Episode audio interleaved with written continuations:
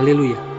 Mendengar yang terkasih dalam Tuhan Yesus di mana pun Anda berada, damai dan sukacita menyertai kita semua. Renungan Sau bagi jiwa yang disajikan Gereja Jati berjudul Tataplah Yesus. Kata Yesus, Datanglah. Maka Petrus turun dari perahu dan berjalan di atas air, mendapatkan Yesus. Tetapi ketika dirasanya tiupan angin, takutlah ia dan mulai tenggelam, lalu berteriak, Tuhan, tolonglah aku. Kitab Matius pasal 14 ayat 29 sampai 30. Petrus pernah melihat Yesus di tengah malam berjalan di atas air. Sewaktu Yesus masih di tengah danau, Petrus memohon Yesus agar dia juga dapat berjalan di atas air mendatangi Yesus. Benar saja, dia lalu turun dari perahu dan berjalan di atas air mendatangi Yesus. Waktu itu angin bertiup cukup kuat. Permukaan air berombak membuat Petrus menjadi takut dan dia mulai tenggelam. Untunglah dia masih sempat berteriak minta tolong kepada Yesus sehingga nyawanya terselamatkan. Pengalaman Petrus berjalan di atas air ini membuat kita mengerti.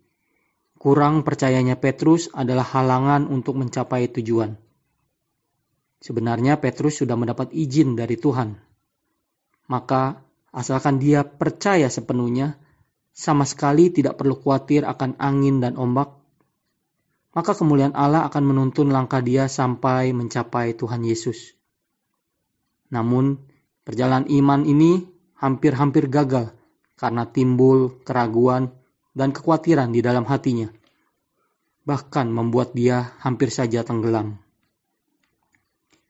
Petrus mencoba mengandalkan pengamatan matanya untuk memperkirakan keadaan ombak, apakah aman, ke mana arah ombak itu, kekuatan angin, dan lainnya. Mengira dengan demikian dia bisa selamat.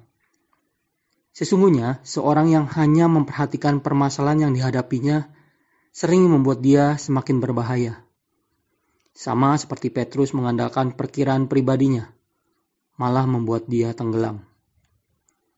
Bila kita adalah Petrus, apakah kita akan lebih beriman daripada Petrus? Mungkin melihat luas air saja sudah membuat lutut kita lemas. Boro-boro berani meminta izin pada Tuhan Yesus agar bisa berjalan di air. Sesungguhnya kita tidak lebih beriman daripada Petrus.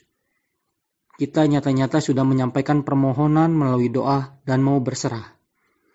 Tetapi melihat situasi kondisi di sekitar kita, segeralah kita melupakan iman dan pengharapan yang semula. Marilah kita belajar menatap Yesus dalam hal iman. Jangan ragu menatap. Jangan mendua hati menatap. Percayalah dengan teguh sampai kepada kesudahannya. Tataplah dengan kepercayaan penuh.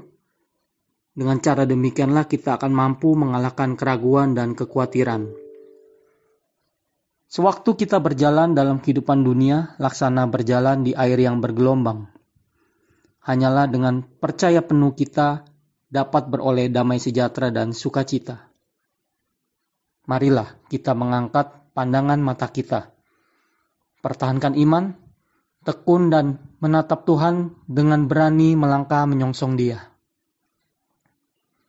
Sebab seperti tubuh tanpa roh adalah mati, demikian jugalah iman tanpa perbuatan adalah mati. Kitab Yakobus pasal 2 ayat 26. Kita yang percaya tidak boleh hanya setiap waktu berbicara tentang iman, tetapi sewaktu menemui masalah, iman kita segera buyar.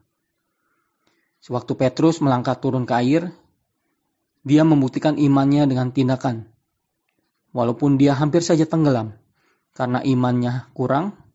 Yang pasti dia sudah menunjukkan perbuatan untuk membuktikan imannya.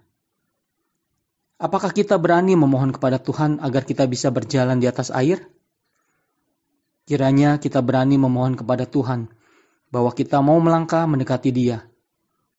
Walaupun hidup di dunia ini laksana laut yang bergelora, tetapi semuanya tidak menjadi penghalang bagi iman dan pengharapan kita. Tuhan Yesus menyertai kita semua. Amin.